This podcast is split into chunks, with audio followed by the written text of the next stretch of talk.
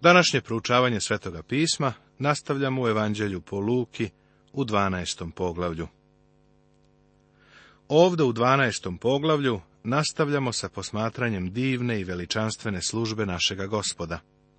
On upozorava na farisejski kvasac, kazuje parabolu o nerazumnom bogatašu, o povratku na svadbu i proveri sluga u svetlu njegovog drugog dolaska. Zatim on izjavljuje da je on taj koji razdeljuje ljude – samo nam Luka daje parabolu o nerazumnom bogatašu, koji je u ovom životu gradio veće žitnice, ali se nije postarao za svoju dušu, za sljedeći život. Isus upozorava na farisejski kvasac. 12. poglavlje nastavlja sa beleženjem veličanstvene gospodnje službe. Luka dodaje neke nove stvari koje ću ja istaći. Pošto se u međuvremenu okupiše hiljade naroda, tako da su gazili jedan drugoga, poče da govori prvo svojim učenicima. Čuvajte se farisejskog kvasca, koji je licemerje. Ovo je vremenski period kada je Hristova služba bila na vrhuncu. Velika mnoštva ljudi su ga pratila. Baš u ovo vreme on je učinio mnogo čuda. Bilo je doslovno na hiljade slepih ljudi, čije su se oči otvorile, na hiljade hromih koji su prohodali i na hiljade nemih koji su progovorili. Hristos je isceljivao mnoštva. U stvari, ovo mnoštvo je bilo tako veliko da je bilo nemoguće izbrojati ga. Ljudi su se gurali, pa je došlo i do toga da jedan drugoga gaze. To mesto je postalo opasno. Hristos upozorava mnoštvo na farisejski kvasac. Ako kvasac simbolizuje evanđelje, kao što mnogi misle, zašto bi gospod svoje učenike upozoravao na farisejski kvasac? Kvasac je princip zla, a kvasac farisejski je licemerstvo. Danas je takvo kvasca vrlo mnogo. Ali ništa nije sakriveno, što se neće otkriti, ni tajno, što se neće doznati. Stoga će se čuti na svetlosti ono što ste rekli u tami i propovedat će se sa krovova ono što ste kazali na uho u sobama. Ali vama, svojim prijateljima, kažem, ne bojte se onih što ubijaju telo i posle toga ne mogu ništa više da učine. Nego ću vam ukazati koga da se bojite. Bojite se onoga koji posle ubijstva ima vlast da baci u pakao. Da, kažem vam, toga se bojte. Na ovom principu su i Cromwell i Luther zasnovali stav Boj se Boga, pa se nikoga drugog nećeš bojati.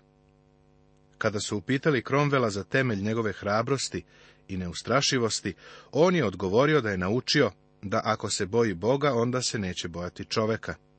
Upravo to govori gospod u ovom odeljku. Zar se pet vrabaca ne prodaju za dva asa? I nijedan od njih nije zaboravljen pred Bogom a vama je i sva kosa na glavi izbrojana. Ne bojte se, vredite više nego mnogi vrapci. Nego vam kažem, koji god prizna mene pred ljudima, toga će i sin čoveče i priznati pred Božim anđelima. Ako se odrekne mene pred ljudima, njega će se odreći pred Božim anđelima. Gospod je javno ukoravao religiozne vođe i to je naravno navalilo njihov bes na njegovu glavu njegovi učenici su mogli da očekuju istu vrstu tretmana i prema njima. Gospod im daje ove reči utehe i sigurnosti da Bog brine za njih. Pošto vidi i kada vrapci padnu, on je onda u potpunosti svestan potreba onih koji poučavaju i propovedaju njegovu reč. Oprostit će se svakom koji kaže reč protiv sina čovečijeg, ali se neće oprostiti onom koji pohuli na duha svetoga. Kada čovjek huli ustima, to nije ono što će ga osuditi. Stav njegova srca ga osuđuje. Hula protiv duha svetoga jeste opiranje delovanje duha svetoga kada on uverava srce i život čoveka. Ovo je trajno stanje, ukoliko čovjek ne prestane da se opire. A kad vas dovedu u sinagoge i pred poglavarstva i vlasti, ne brinite se kako ćete ili čime ćete se odbraniti ili šta ćete reći, jer će vas duh sveti naučiti u taj čas šta treba da kažete. Ovo ne treba da bude izgovor lenjom propovedniku ili učitelju veronauke i opravdanje kada se ne spreme. Naprotiv, ovo je onima koji su pripadali Hristu davalo sigurnost da će im duh sveti, koga će on poslati, dati mudrost i hrabrost dok budu verno svedočili za njega. U delima apostolskim imamo mnoge primjere za ovo. Tada mu reče neki iz naroda, učitelju, kaži mom bratu da podeli sa mnom nasljedstvo. Na tomu on reče, čoveče, ko je mene postavio za sudiju ili delitelja nad vama? Naš gospod je apsolutno odbio da bude sudija u slučaju kao što je ovaj. Želeo bih da danas ovaj stav zauzmu oni koji pokušavaju da daju savete. Savetnici su tako spremni da osude i da ljudima kažu šta treba da urade. Gospod Isus nije hteo da bude sudija. Naravno, kada je Gospod prvi put došao na zemlju, nije došao kao sudija, nego kao spasitelj. Sljedeći put doći će kao sudija. Otac je sav sud dao sinu. Iz ovog događaja gospod je izveo ovaj stav, a onda je ispričao parabolu o nerazumnom ili ludom bogatašu. Njima pak reče, pazite i čuvajte se svakog lakomstva, jer u izobilju ničiji život ne počiva na njegovom imanju. Ovo je svakako vrlo dobar stih za mnoge hrišćane u ovom vremenu grubog materializma, kada izgleda da su stvari tako važne i da okupiraju tako mnogo našeg vremena. Lakomstvo je jedan od najistaknutijih greha našeg doba. To nije greh koji drugi vide kada ga počiniš, a ponekad možda čak nisi ni svestan da ga činiš. Franja Asiški je jednom rekao, ljudi su mi ispovedali sve poznate grehe osim lakomstva. Sud koji se ponekad daje o Amerikancima je vrlo zanimljiv. Pre nekoliko godina jedna novina u Londonu dala je ovakvu procenu Amerike. Šokirate nas svojim verovanjem da samo svemogući dolar i naoružanje mogu spasti svet. Pitam se, da li je Amerika danas u tom položaju obuzeta lakomošću? Priča o nerazumnom, ludom bogatašu. Kaza im i priču. Njiva jednog bogatog čoveka je dobro ponela. I razmišljao je u sebi ovako, šta da uradim, jer nemam gde da saberem svoju letinu. Zapazi da je u ovom odeljku akcenat na reči ja. Ovaj čovjek je imao loš slučaj velikog ja. Šta da uradim jer nemam gde da saberem svoju letinu. Tada reče, ovo ću učiniti. Porušit ću svoje žitnice pa ću sagraditi veće i onda ću sabrati sve svoje žito i sva svoja dobra.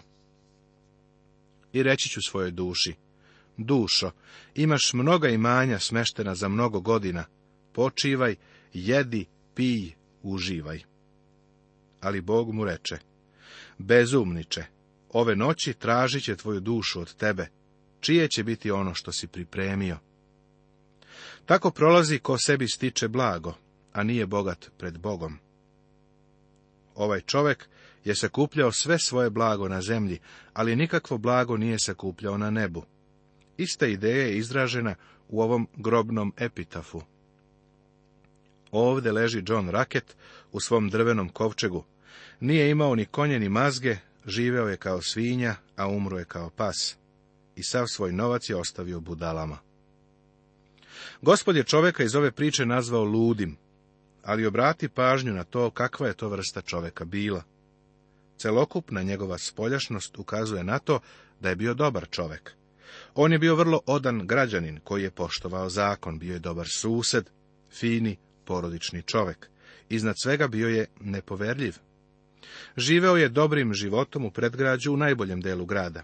On nije bio zao čovek, niti je bio član mafije, nije bio pokvareni političar, nije bio uključen u sumnjive poslove, nije bio alkoholičar, nije imao neku ženu sa strane. Ovaj čovek izgleda u redu, pa ga ipak gospod naziva ludim, nerazumnim. Zašto? Jer je ovaj čovek celokupno svoje razmišljanje usmerio na sebe, i na svoju pohlepu. Mnogi ljudi žive usmereni samo na sebe. Parabola o nerazumnom bogatašu je jedna od najoštrijih u Božjoj reči. Filozofija današnjeg sveta jeste jedi, pij i veseli se, jer ćeš sutra umreti. Gospod je rekao, u tome je problem, to je ono što čoveka čini nerazumnim ili ludim. Ako živiš tako kao da je život samo ovo ovde, iako živiš samo za sebe, kao da posle smrti nema ničega, onda si nerazuman. Svojim učenicima pak reče, zato vam kažem, ne brinite se za život, šta ćete jesti, niti za telo, u šta ćete se obući, jer je život pretežniji od jela i telo od odela. Pogledajte gavrane kako neseju, niti žanju, nemaju ostaveni žitnice i Bog ih hrani koliko više vi vredite od ptica. E sada, nema ništa loše u tome da se stvari čuvaju i sakupljaju. Problem sa nerazumnim bogatašem je ležao u pohlepi. On se trudio da stekne sve više, više i više. Ovo je prokletstvo bezbožnog kapitalizma.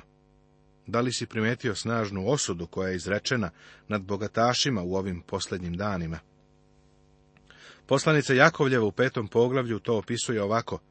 De sad vi, bogataši, zaplačite i učite za nedaće koje idu na vas. Bogatstvo je postalo prokletstvo. Naš veliki narod je mislio u Americi da će svemogući dolar rešiti probleme u svetu. A mi smo sada u većoj nevolji nego ikada. Prepiremo se oko toga da li na našem novcu treba da ostane natpis u Boga se uzdamo. Bolje bi bilo da to skinemo, jer je to i onako licemerje. Ne pouzdajemo se mi u Boga, nego u dolar. Taj slogan na parama ne znači ništa. Amerika treba da se okrene stvarnosti i da prestane da govori o religiji.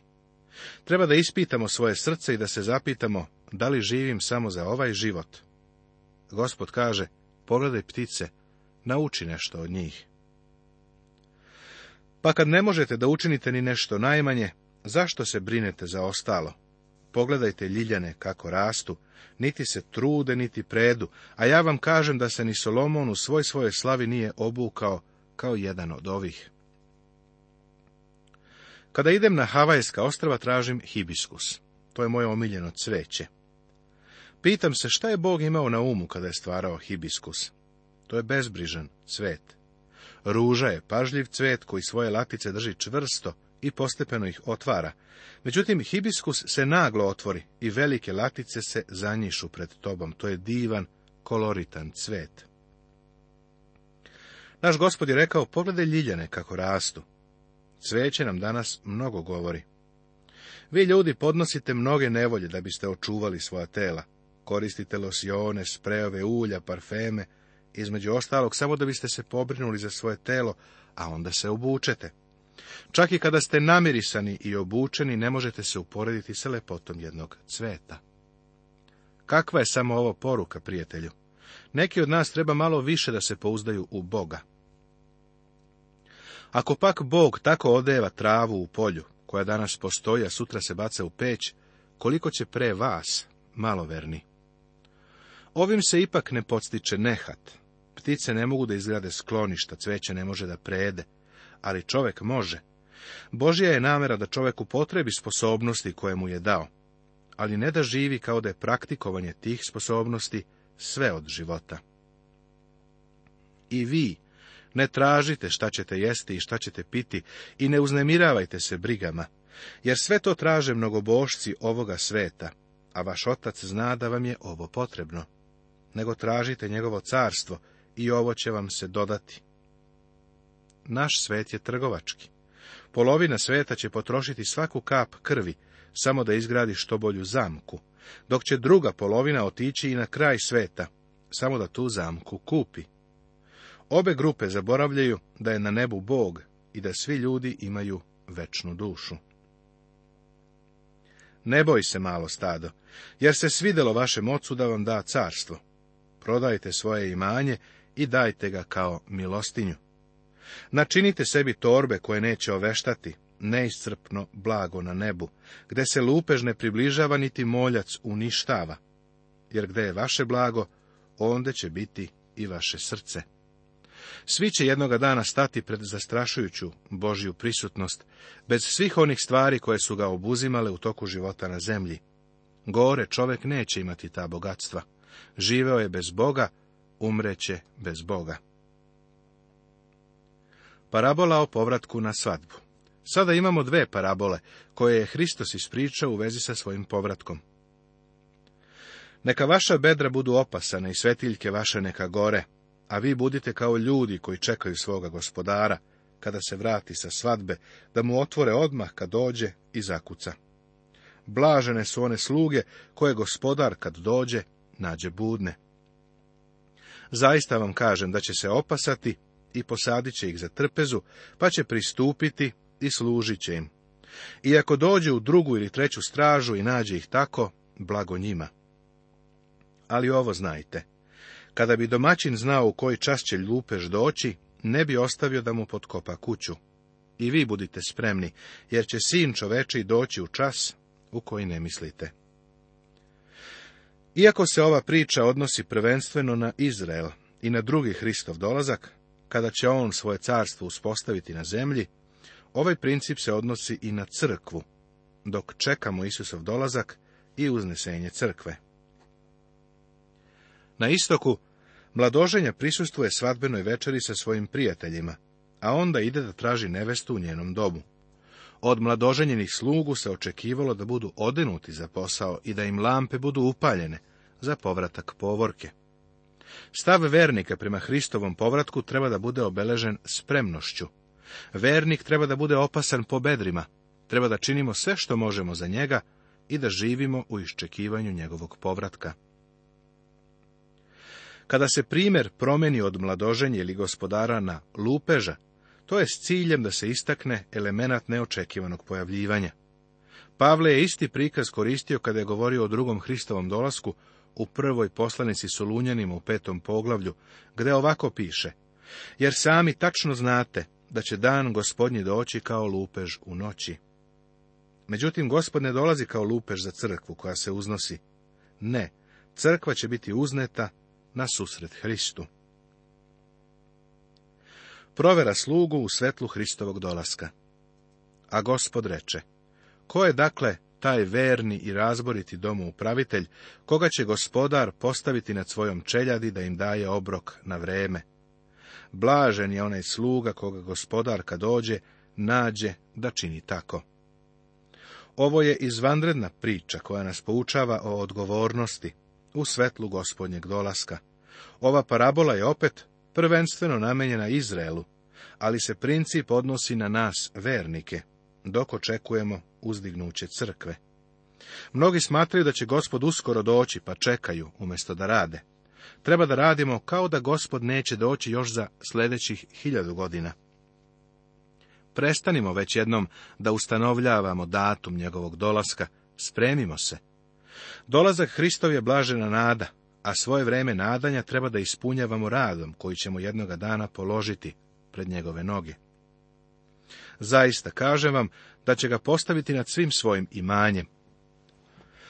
Ako pak onaj sluga kaže u svom srcu, moj gospodar neće doći za dugo, pa stane tući sluge i sluškinje, te jesti i piti i opijati se, doći će gospodar onoga sluge u dan kada ne očekuje i u čas koji ne zna, pa će ga raseći i odredit će mu mesto među nevernima. Ova parabola nas uči dvema važnim lekcijama. Skepticizam u vezi sa gospodnjim dolaskom ponovo stvara zloupotrebu autoriteta i lenjost u ponašanju. Treba da živimo u iščekivanju Hristovog povratka. Naš život treba da se živi kao da će se gospod sljedećeg trenutka pojaviti, pa ćemo morati da mu damo izveštaj o nama samima. Istina je da ćemo onog dana kada on dođe morati da damo odgovor za sebe. A onaj sluga koji je znao volju svoga gospodara, pa nije spremio ili nije učinio po njegovoj volji, bit će mnogo bijen. A koji nije znao, a učinio ono što zaslužuje batine, bit će manje bijen. Od svakog kome je mnogo dano, tražit će se mnogo, i kome je mnogo povereno, od njega će se više zahtevati. Možda gospod neće doći danas, ni sutra, ali će sigurno doći. Skloni smo da pustimo da nam stvari promaknu, iskliznu, jer on još nije došao. Čini nam se da se nekako snalazimo, ali u stvari nije tako.